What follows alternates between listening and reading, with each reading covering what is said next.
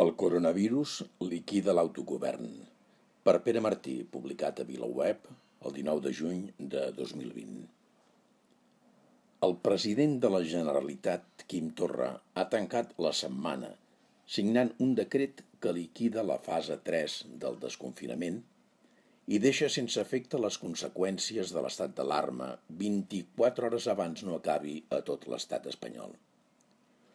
Torra ha volgut donar una certa solemnitat a l'acte, com si la Generalitat celebrés res important, tot i que només recupera competències que són seves, les de sanitat i d'interior, segrestades tres mesos per l'estat espanyol amb l'excusa de la pandèmia.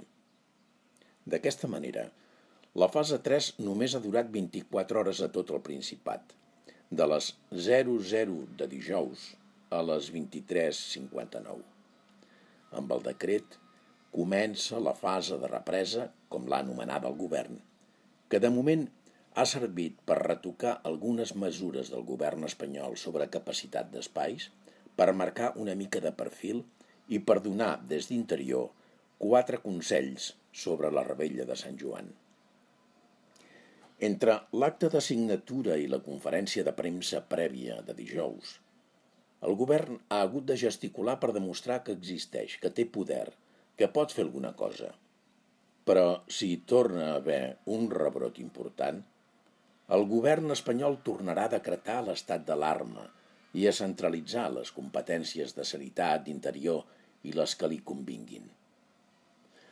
La lliçó més clara que ha deixat la pandèmia és que l'autogovern és una cessió de competències temporal que fa l'Estat a Catalunya i que les pot recuperar quan vulgui, o les pot suspendre, com ja va fer amb l'aplicació de l'article 155.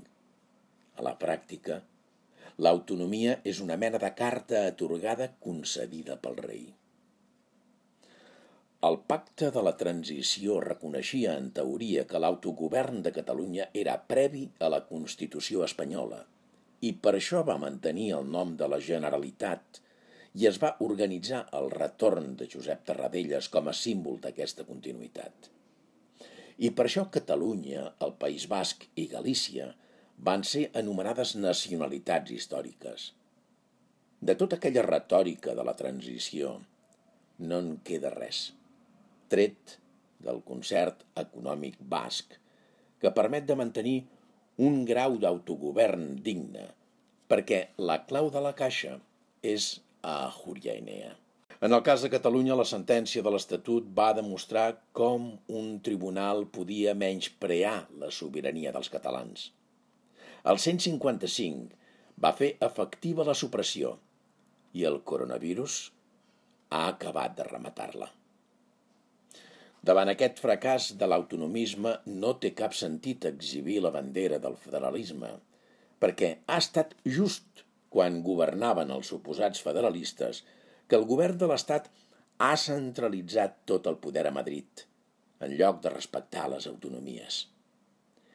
L'independentisme ha gestionat la crisi del coronavirus amb una disciplina sorprenent – deixant-se prendre les competències sense badar boca i acotant el cap cada vegada que algú posava sobre la taula que potser s'hauria pogut fer una més bona gestió si s'haguessin respectat les competències.